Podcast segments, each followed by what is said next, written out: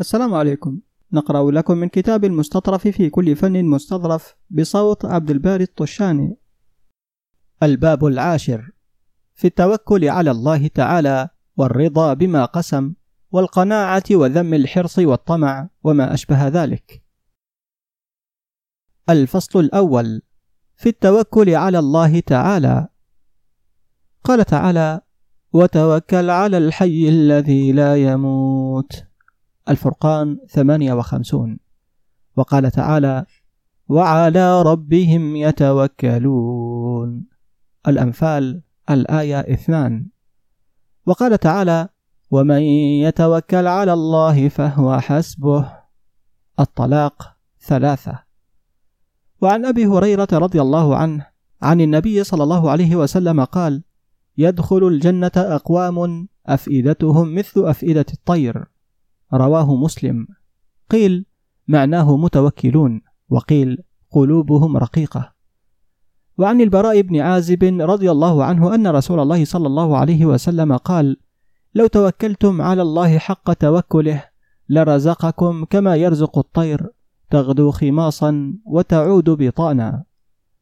وأوحى الله تعالى إلى داود عليه السلام يا داود من دعاني أجبته ومن استغاثني أغثه ومن استنصرني نصرته ومن توكل علي كفيته فأنا كافي المتوكلين وناصر المستنصرين وغياث المستغيثين ومجيب الداعين. وحكي أنه كان في زمن هارون الرشيد قد حصل للناس غلاء سعر وضيق حال حتى اشتد الكرب على الناس اشتدادا عظيما. فأمر الخليفة هارون الرشيد الناس بكثرة الدعاء والبكاء وأمر بكسر آلات الطرب ففي بعض الأيام رؤي عبد يصفق ويرقص ويغني فحمل إلى الخليفة هارون الرشيد فسأله عن فعله ذلك من دون الناس فقال إن سيدي عنده خزانة بر وأنا متوكل عليه أن يطعمني منها فلهذا أنا إذا لا أبالي فأنا أرقص وأفرح. فعند ذلك قال الخليفة إذا كان هذا قد توكل على مخلوق مثله فالتوكل على الله أولى. فسلم للناس أحوالهم وأمرهم بالتوكل على الله تعالى. وحكي أن حاتما الأصم كان رجلا كثير العيال وكان له أولاد ذكور وإناث ولم يكن يملك حبة واحدة. وكان قدمه التوكل فجلس ذات ليلة مع أصحابه يتحدث معهم فتعرضوا لذكر الحج فداخل الشوق قلبه. ثم دخل على أولاده فجلس معهم يحدثهم. ثم قال لهم لو أذنتم لأبيكم أن يذهب إلى بيت ربه في هذا العام حاجا ويدعو لكم ماذا عليكم لو فعلتم؟ فقالت زوجته وأولاده أنت على هذه الحال لا تملك شيئا ونحن على ما ترى من الفاقة فكيف تريد ذلك ونحن بهذه الحال؟ وكان له ابنة صغيرة فقالت ماذا عليكم لو أذنتم له؟ ولا يهمكم ذلك. دعوه يذهب حيث يشاء فإنه مناول للرزق وليس برزاق. فذكرتهم ذلك فقالوا صدقت والله هذه الصغيرة. يا أبانا انطلق حيث أحببت.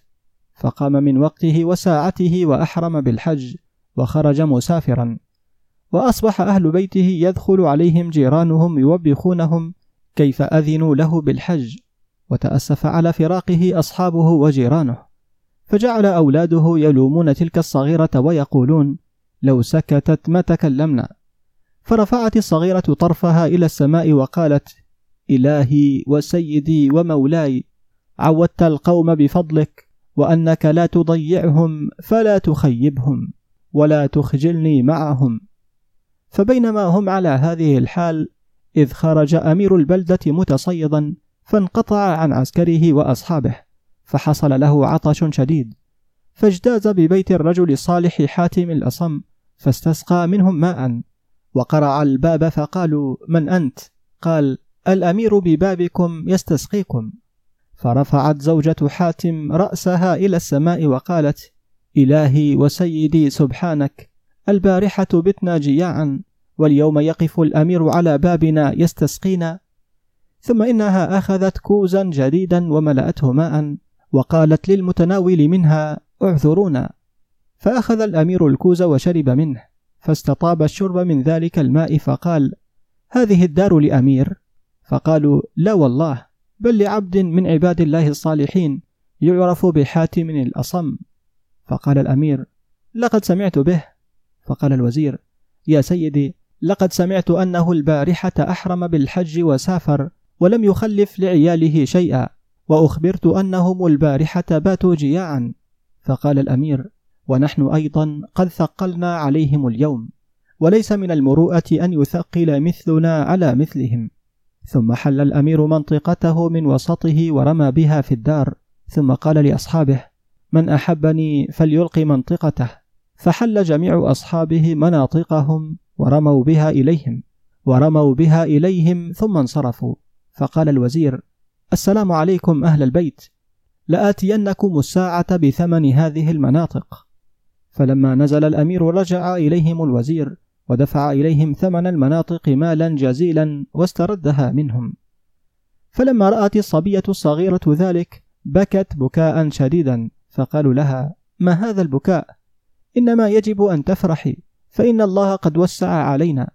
فقالت يا أم والله إنما بكائي كيف بتنا البارحة جياعا فنظر إلينا مخلوق نظرة واحدة فأغنانا بعد فقرنا. فالكريم الخالق إذا نظر إلينا لا يكلنا إلى أحد طرفة عين.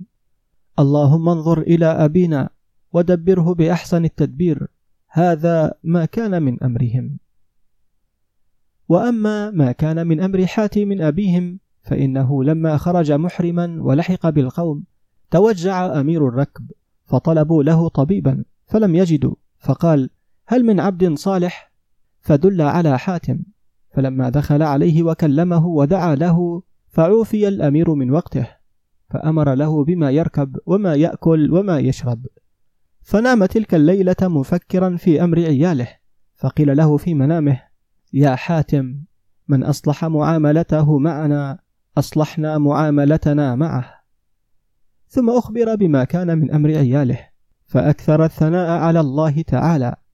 فلما قضى حجه ورجع تلقته أولاده فعانق الصبية الصغيرة وبكى ثم قال صغار قوم كبار قوم آخرين.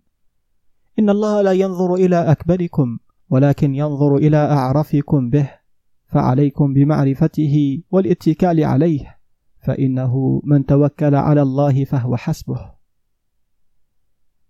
ومن كلام الحكماء من أيقن أن الرزق الذي قسم له لا يفوته تعجل الراحة. ومن علم أن الذي قضي عليه لم يكن ليخطئه فقد استراح من الجزع.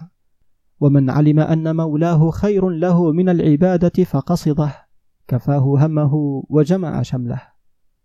وفي الحديث عن ابن عباس رضي الله عنهما قال كنت عند النبي صلى الله عليه وسلم يوما فقال يا غلام إني أعلمك كلمات. احفظ الله يحفظك. احفظ الله تجده تجاهك. إذا سألت فاسأل الله وإذا استعنت فاستعن بالله. واعلم أن الأمة لو اجتمعت على أن تنفعك بشيء لم ينفعوك إلا بشيء قد كتبه الله لك. ولو اجتمعت على أن تضرك بشيء لم يضرك إلا بشيء قد كتبه الله عليك. رفعت الأقلام وجفت الصحف. ورفع إلى الرشيد أن بدمشق رجلا من بني أمية عظيم المال والجاه كثير الخير والجند يخشى على المملكة منه. وكان الرشيد يومئذ بالكوفة. قال منارة خادم الرشيد فاستدعاني الرشيد وقال اركب الساعة إلى دمشق وخذ معك ماءة غلام وأتني بفلان الأموي. وهذا كتابي إلى العامل لا توصله له إلا إذا امتنع عليك. فإذا أجاب فقيده وعادله بعد أن تحصي جميع ما تراه وما يتكلم به. واذكر لي حاله ومآله. وقد أجلتك لذهابك ستا ولمجيئك ستا ولإقامتك يوما. أفهمت؟ قلت نعم. قال فسر على بركة الله. فخرجت أطوي المنازل ليلا ونهارا لا أنزل إلا للصلاة أو لقضاء حاجة.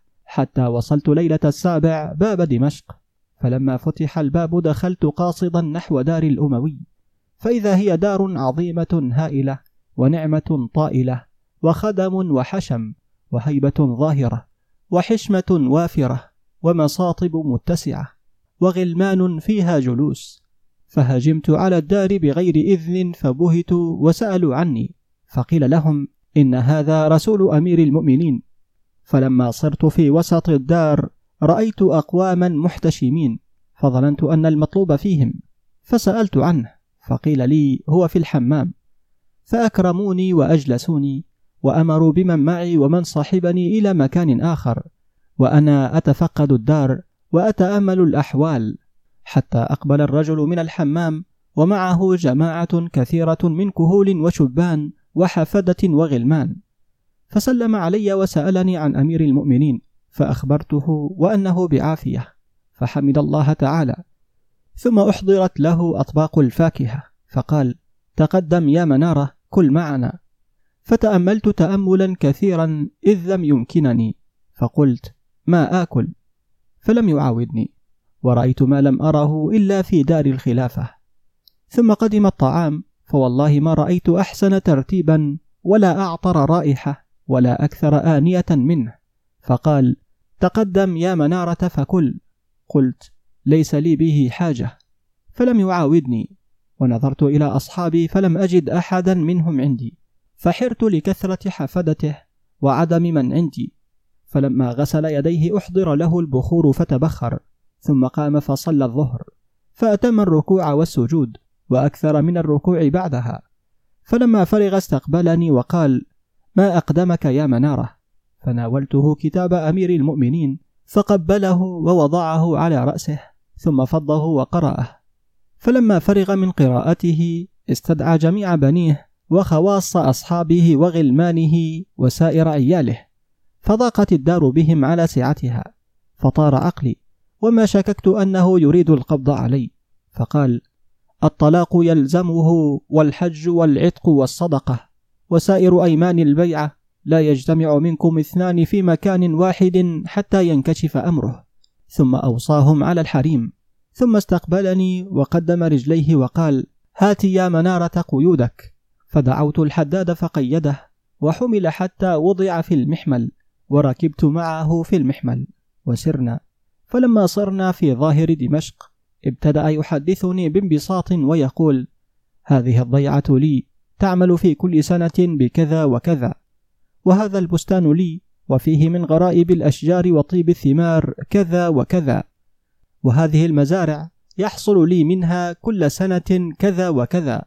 فقلت يا هذا ألست تعلم أن أمير المؤمنين أهمه أمرك حتى أنفذني خلفك وهو بالكوفة ينتظرك؟ وأنت ذاهب إليه ما تدري ما تقدم عليه. وقد أخرجتك من منزلك ومن بين أهلك ونعمتك وحيدا فريدا وأنت تحدثني حديثا غير مفيد ولا نافع لك ولا سألتك عنه وكان شغلك بنفسك أولى بك. فقال بسم الله الرحمن الرحيم إنا لله وإنا إليه راجعون. البقرة 156 لقد أخطأت فراستي فيك يا منارة. ما ظننت أنك عند الخليفة بهذه المكانة إلا لوفور عقلك. فإذا أنت جاهل عامي لا تصلح لمخاطبة الخلفاء. أما خروجي على ما ذكرت فإني على ثقة من ربي الذي بيده ناصيتي وناصية أمير المؤمنين. فهو لا يضر ولا ينفع إلا بمشيئة الله تعالى. فإن كان قد قضي علي بأمر فلا حيلة لي بدفعه ولا قدرة لي على منعه. وإن لم يكن قد قدر علي بشيء فلو اجتمع أمير المؤمنين وسائر من على وجه الأرض على أن يضروني لم يستطيعوا ذلك إلا بإذن الله تعالى. وما لي ذنب فأخاف. وإنما هذا واش وشى عند أمير المؤمنين ببهتان. وأمير المؤمنين كامل العقل. فإذا اطلع على براءتي فهو لا يستحل مضرتي. وعلي عهد الله لا كلمتك بعدها إلا جوابا. ثم أعرض عني وأقبل على التلاوة. وما زال كذلك حتى وافينا الكوفة بكرة اليوم الثالث عشر. وإذا النجب قد استقبلتنا من عند أمير المؤمنين تكشف عن أخبارنا. فلما دخلت على الرشيد قبلت الأرض فقال هات يا منارة أخبرني من يوم خروجك عني إلى يوم قدومك علي. فابتدأت أحدثه بأموري كلها مفصلة والغضب يظهر في وجهه. فلما انتهيت إلى جمعه لأولاده وغلمانه وخواصه وضيق الدار بهم وتفقدي لأصحابي فلم أجد منهم أحدا اسود وجهه. فلما ذكرت يمينه عليهم تلك الأيمان المغلظة تهلل وجهه. فلما قلت إنه قدم رجليه أسفر وجهه واستبشر. فلما أخبرته بحديثي معه في ضياعه وبساتينه وما قلت له وما قال لي قال هذا رجل محسود على نعمته ومكذوب عليه وقد أزعجناه وأرعبناه وشوشنا عليه وعلى أولاده وأهله. اخرج إليه وانزع قيوده وفكه وأدخله علي مكرما. ففعلت فلما دخل قبل الأرض فرحب به أمير المؤمنين وأجلسه واعتذر إليه فتكلم بكلام صحيح. فقال له أمير المؤمنين سل حوائجك. فقال سرعة رجوعي إلى بلدي وجمع شملي بأهلي وولدي. قال هذا كائن فسل غيره. قال عدل أمير المؤمنين في عماله ما أحوجني إلى سؤال. قال فخلع عليه أمير المؤمنين. ثم قال يا منارة اركب الساعة معه حتى ترده إلى المكان الذي أخذته منه.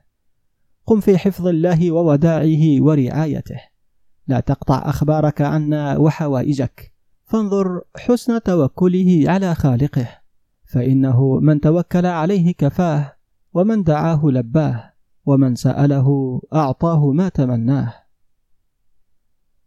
وروي أن هذه الكلمات وجدها كعب الأحبار مكتوبة في التوراة فكتبها وهي يا ابن آدم لا تخافن من ذي سلطان ما دام سلطاني باقيا وسلطاني لا ينفد أبدا. يا ابن آدم لا تخشى من ضيق الرزق ما دامت خزائني ملآنة وخزائني لا تنفد أبدا.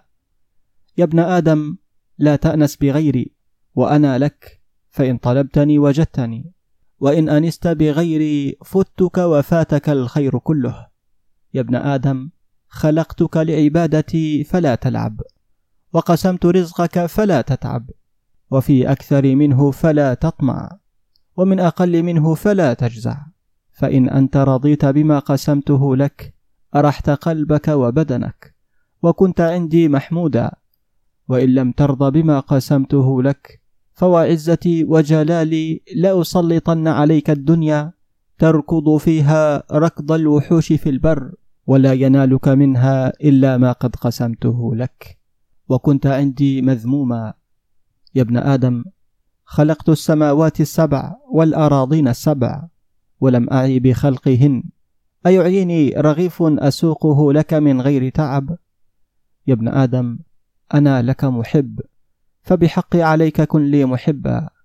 يا ابن آدم لا تطالبني برزق غد كما لم أطالبك بعمل غد.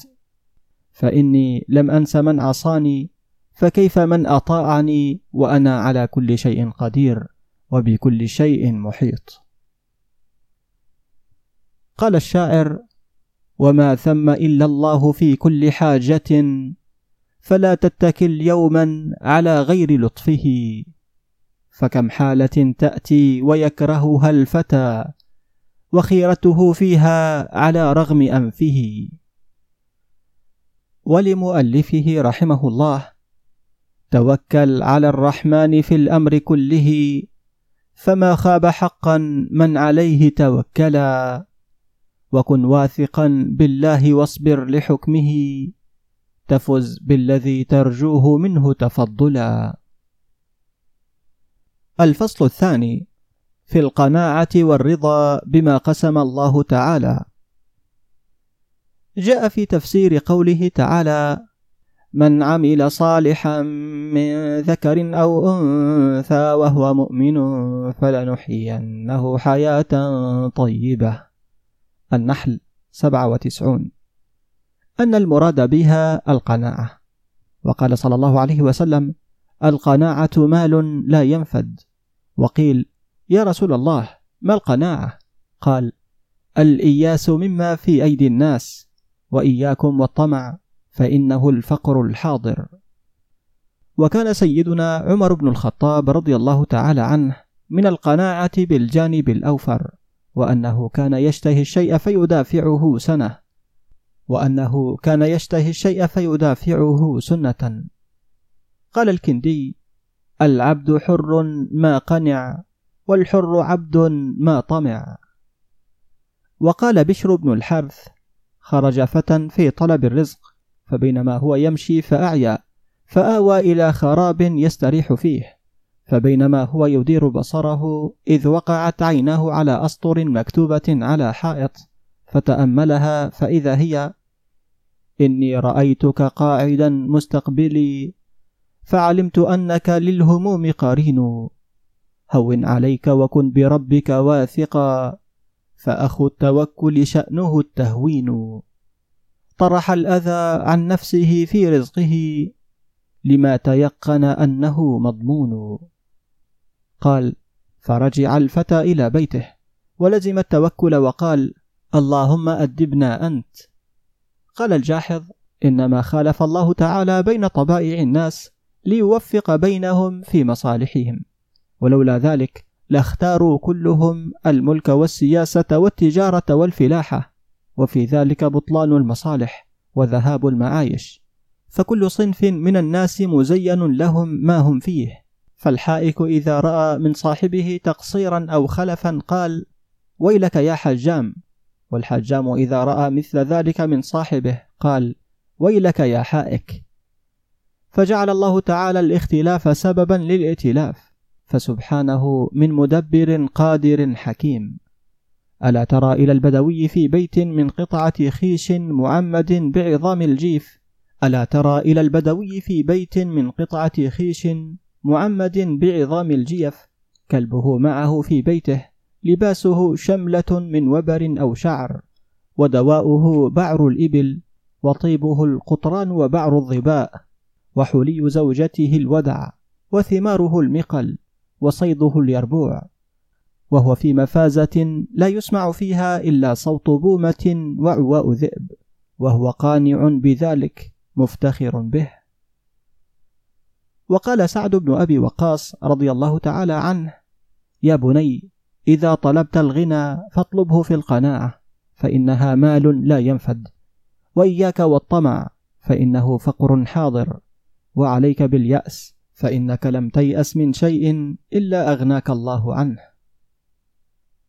وأصاب داود الطائي فاقة كبيرة فجاءه حماد بن أبي حنيفة رضي الله عنه بأربعمائة درهم من تركة أبيه وقال هي من مال رجل ما أقدم عليه أحد في زهده وورعه وطيب كسبه فقال لو كنت أقبل من أحد شيئا لقبلتها تعظيما للميت وإكراما للحي ولكني أحب أن أعيش في عز القناعة وقال عيسى عليه الصلاة والسلام اتخذوا البيوت منازل والمساجد مساكن وكلوا من بقل البرية واشربوا من الماء القراح واخرجوا من الدنيا بسلام. وأنشد المبرد إن ضمن زيد بما في بطن راحته فالأرض واسعة والرزق مبسوط. إن الذي قدر الأشياء بحكمته لم ينسني قاعدا والرحل محطوط. قال عبد الواحد بن زيد ما أحسب أن شيئا من الأعمال يتقدم الصبر إلا الرضا ولا أعلم درجة أرفع من الرضا وهو رأس المحبة. قيل له متى يكون العبد راضيا عن ربه؟ قال إذا سرته المصيبة كما تسره النعمة. وكان عبد الله بن مرزوق من ندماء المهدي. فسكر يوما ففاتته الصلاة فجاءته جارية له بجمرة فوضعتها على رجله فانتبه مذعورا فقالت له إذا لم تصبر على نار الدنيا فكيف تصبر على نار الآخرة؟ فقام فصلى الصلوات وتصدق بما يملكه وذهب يبيع البقل فدخل عليه فضيل وابن عيينة فإذا تحت رأسه لبنة وما تحت جنبه شيء فقالا له إنه لم يدع أحد شيئا إلا عوضه الله منه بديلا. فما عوضك عما تركت له؟ قال الرضا بما أنا فيه. وقال الثوري ما وضع أحد يده في قصعة غيره إلا ذل له. وقال الفضيل من رضي بما قسم الله له بارك الله له فيه. وكان عيسى عليه الصلاة والسلام يقول الشمس في الشتاء جلالي ونور القمر سراجي وبقل البرية فاكهتي وشعر الغنم لباسي أبيت حيث يدركني الليل ليس لي ولد يموت ولا بيت يخرب. أنا الذي كببت الدنيا على وجهها. قال الشاعر إن القناعة من يحلل بساحتها لم يلق في ظلها هما يؤرقه. وقال عيسى عليه الصلاة والسلام انظروا إلى الطير تغدو وتروح ليس معها شيء من أرزاقها. لا تحرث ولا تحصد والله يرزقها. فإن زعمتم أنكم أكبر بطونا من الطير فهذه الوحوش والبقر والحمر ولا تحرث ولا تحصد والله يرزقها. وقيل وفد عروة بن أذينة على هشام بن عبد الملك فشكى إليه خلته فقال له القائل لقد علمت وما الإسراف من خلقي أن الذي هو رزقي سوف يأتيني أسعى إليه فيعييني تطلبه ولو قعدت أتاني ليس يعييني. وقد جئت من الحجاز إلى الشام في طلب الرزق فقال يا أمير المؤمنين لقد وعظت فأبلغت وخرج. فركب ناقته وكر إلى الحجاز راجعا. فلما كان من الليل نام هشام على فراشه فذكر عروة فقال في نفسه رجل قريش قال حكمة ووفد علي فجبهته ورددته خائبا. فلما أصبح وجه إليه بألفي دينار فقرع عليه الرسول باب داره بالمدينة وأعطاه المال فقال أبلغ أمير المؤمنين مني السلام وقل له كيف رأيت قولي؟ سعيت فأكديت فرجعت فأتاني رزقي في منزلي. ولما ولي عبد الله بن عامر العراق قصده صديقان له أنصاري وثقفي. فلما سارا تخلف الأنصاري وقال الذي أعطى ابن عامر العراق قادر على أن يعطيني. فوفد الثقفي وقال أحوز الحظين. فلما دخل على عبد الله بن عامر قال له ما فعل زميلك الأنصاري؟ قال رجع إلى أهله. فأمر للثقفي بأربعة آلاف دينار وبعث للأنصاري بثمانية آلاف دينار. فخرج الثقفي وهو يقول فوالله ما حرص الحريص بنافع فيغني ولا زهد القنوع بضائري. خرجنا جميعا من مساقط رؤوسنا على ثقة منا بجود ابن عامر فلما أنخنا الناجعات ببابه تخلف عني اليثربي بن جابر. وقال ستكفيني عطية قادر على ما يشاء اليوم للخلق قاهري فإن الذي أعطى العراق ابن عامر لربي الذي أرجو لسد مفاقري فقلت خلا لي وجهه ولعله سيجعل لي حظ الفتى المتزاور. فلما رآني سأل عنه صبابة إليه كما حنت ظؤار الأباعر فأبت وقد أيقنت أن ليس نافعا ولا ضائرا شيء خلاف المقادر قيل أوحى الله تعالى إلى موسى صلوات الله وسلامه عليه أتدري لم رزقت الأحمق؟ قال لا يا رب قال ليعلم العاقل أن طلب الرزق ليس بالاحتيال. ولبعض العرب ولا تجزع إذا أعسرت يوما فقد أيسرت في الزمن الطويل. ولا تظنن بربك ظن سوء فإن الله أولى بالجميل. وإن العسر يتبعه يسار وقول الله أصدق كل قيل. فلو أن العقول تسوق رزقا لكان المال عند ذوي العقول. وأوحى الله تعالى إلى يوسف عليه الصلاة والسلام انظر إلى الأرض. فنظر إليها فانفجرت. فرأى دودة على صخرة ومعها الطعام فقال له أتراني لم أغفل عنها وأغفل عنك؟ وأنت نبي وابن نبي؟ ودخل علي بن أبي طالب رضي الله عنه المسجد وقال لرجل كان واقفا على باب المسجد أمسك علي بغلتي. فأخذ الرجل لجامها ومضى وترك البغلة. فخرج علي وفي يده درهمان ليكافئ بها الرجل على إمساكه بغلته. فوجد البغلة واقفة بغير لجام. فركبها ومضى ودفع لغلامه درهمين يشتري بهما لجاما. فوجد الغلام اللجام في السوق قد باعه السارق بدرهمين. فقال علي رضي الله عنه إن العبد ليحرم نفسه الرزق الحلال بترك الصبر ولا يزداد على ما قدر له. وقيل لراهب من أين تأكل؟ فأشار إلى فيه وقال الذي خلق هذه الرحى يأتيها بالطحين. وقال سليم بن المهاجر الجيلي كسوت جميل الصبر وجهي فصانه به الله عن غشيان كل بخيل فما عشت لم آت البخيل ولم أقم على بابه يوما مقام ذليلي. وإن قليلا يستر الوجه أن يرى إلى الناس مبذولا لغير قليل وصلى معروف الكرخي خلف إمام. فلما فرغ من صلاته قال الإمام لمعروف من أين تأكل؟ قال اصبر حتى أعيد صلاتي التي صليتها خلفك قال ولما؟ قال لأن من شك في رزقه شك في خالقه وقال أبو حازم ما لم يكتب لي لو ركبت الريح ما أدركته وقال عمر بن أبي عمر اليوناني غلى السعر في بغداد من بعد رخصه وإني في الحالين بالله واثق. فلست أخاف الضيق والله واسع. غناه ولا الحرمان والله رازق. وقال القهستاني غني بلا دنيا عن الخلق كلهم وإن الغني الأعلى عن الشيء لا به. وقال منصور الفقيه الموت أسهل عندي بين القنا والأسنة والخيل تجري سراعا مقطعات الأعنة.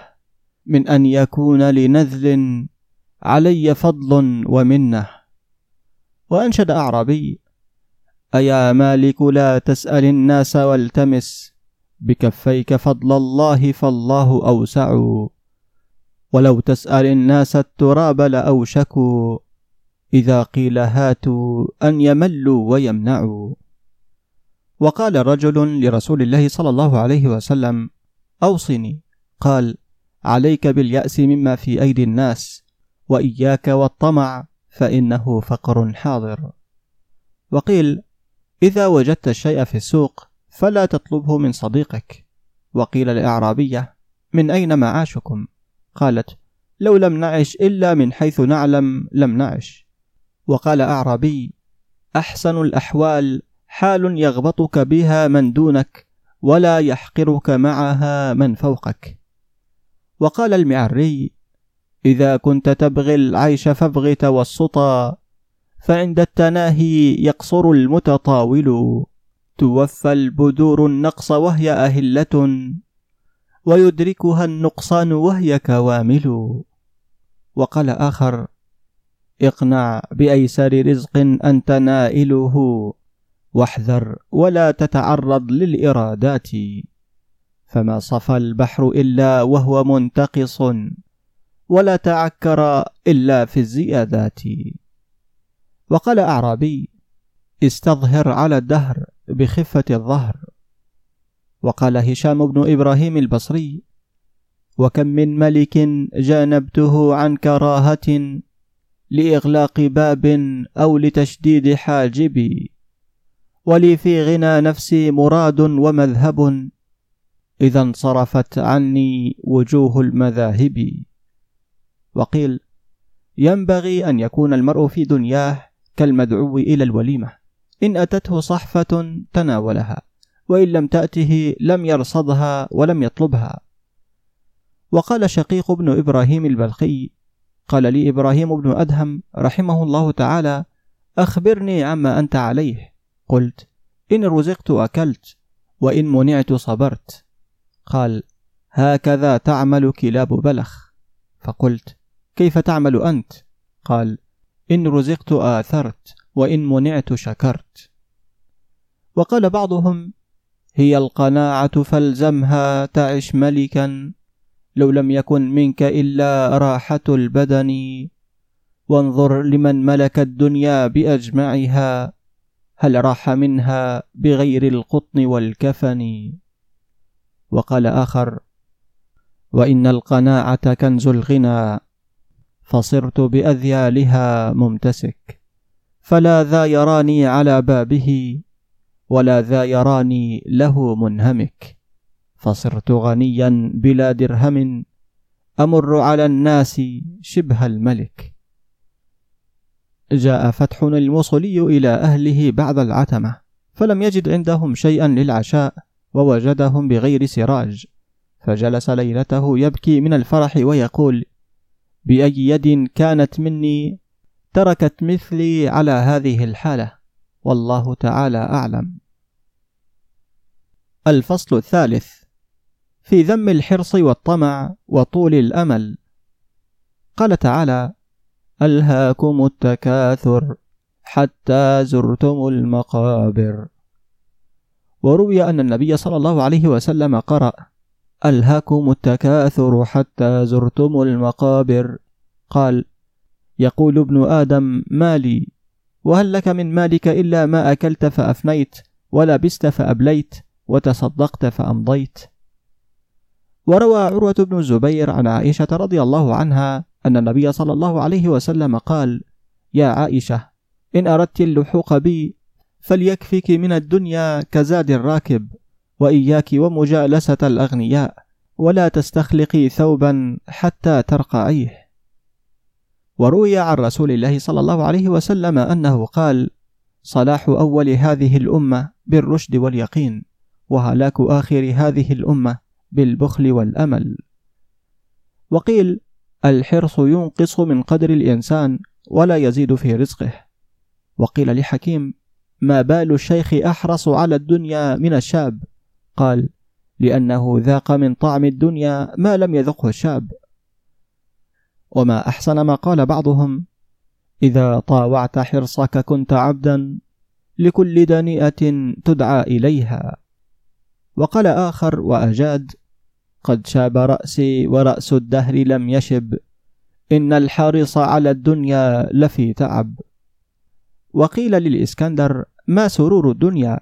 قال الرضا بما رزقت منها. قيل فما غمها؟ قال الحرص عليها. وقال الحسن لو رأيت الأجل ومروره لنسيت الأمل وغروره. وقال أبو سعيد الخدري رضي الله عنه اشترى أسامة بن زيد وليدة بمائة دينار إلى شهر. فسمعت رسول الله صلى الله عليه وسلم يقول ألا تعجبون من أسامة اشترى إلى شهر؟ إن أسامة لطويل الأمل. وقال ابن عباس رضي الله عنهما كان نبي الله صلى الله عليه وسلم يخرج فيبول ثم يمسح بالترب. فأقول إن الماء منك قريب. فيقول ما تدريني لعلي ما أبلغه. وعن أبي هريرة رضي الله عنه يرفعه لا يزال الكبير شابا في إثنين حب المال وطول الأمل. وقيل لمحمد بن واسع كيف تجدك؟ قال قصير الأجل طويل الأمل مسيء العمل. وقيل من جرى في عنان أمله كان عاثرا بأجله. لو ظهرت الآجال لافتضحت الآمال. ولقد أحسن أبو العباس أحمد بن مروان في قوله وذي حرص تراه يلم وفرا لوارثه ويدفع عن حماه. ككلب الصيد يمسك وهو طاو فريسته ليأكلها سواه.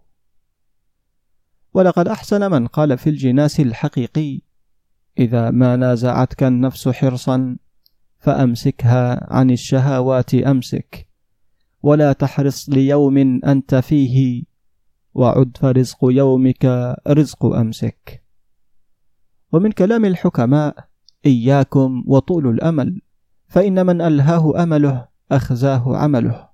قال عبد الصمد بن المعذل ولي أمل قطعت به الليالي أراني قد فنيت به وداما.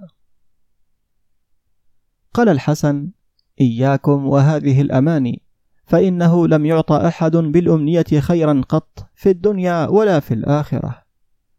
وقال قس بن ساعدة وما قد تولى فهو لا شك فائت فهل ينفعني ليتني ولعلني؟ وقال آخر ولا تتعلل بالأماني فإنها عطايا أحاديث النفوس الكواذب. وقال آخر وأجاد الله أصدق والآمال كاذبة وجل هذه المنى في الصدر وسواس. وقال آخر شط المزار بسعدا وانتهى الأمل فلا خيال ولا رسم ولا طلل. إلا رجاء فما ندري أندركه أم يستمر فيأتي دونه الأجل. وقال أبو العتاهية لقد لعبت وجد الموت في طلبي وإن في الموت لي شغلا عن اللعب. ولو شمرت فكرتي فيما خلقت له ما اشتد حرصي على الدنيا ولا طلبي. وله أيضا تعالى الله يا سلم بن عمرو أذل الحرص أعناق الرجال. هب الدنيا تقاد إليك عفوا أليس مصير ذلك للزوال؟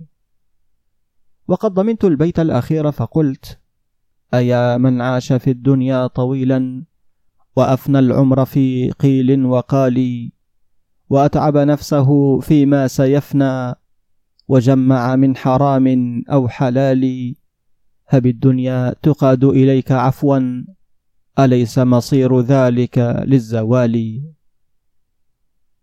مما جاء في الطمع وذمه. قال علي بن أبي طالب رضي الله عنه أكثر مصارع العقول تحت بروق المطامع. وقال رضي الله عنه ما الخمر صرفا بأذهب لعقول الرجال من الطمع. وفي الحديث إياك والطمع فإنه الفقر الحاضر. وقال فيلسوف العبيد ثلاثة عبد رق وعبد شهوة. وعبد طمع. وقال بعضهم من أراد أن يعيش حرا أيام حياته فلا يسكن قلبه الطمع. وقيل اجتمع كعب وعبد الله بن سلام. فقال له كعب يا ابن سلام من أرباب العلم؟ قال الذين يعملون به. قال فما أذهب العلم عن قلوب العلماء بعد أن علموه؟ قال الطمع وشره النفس وطلب الحوائج إلى الناس. واجتمع الفضل وسفيان وابن كريمة اليربوعي فتواصلوا ثم افترقوا وهم مجمعون على أفضل الأعمال الحلم عند الغضب والصبر عند الطمع. وقيل لما خلق الله آدم عليه السلام عجن بطينته ثلاثة أشياء الحرص والطمع والحسد. فهي تجري في أولاده إلى يوم القيامة فالعاقل يخفيها والجاهل يبديها. ومعناه أن الله تعالى خلق شهوتها فيه.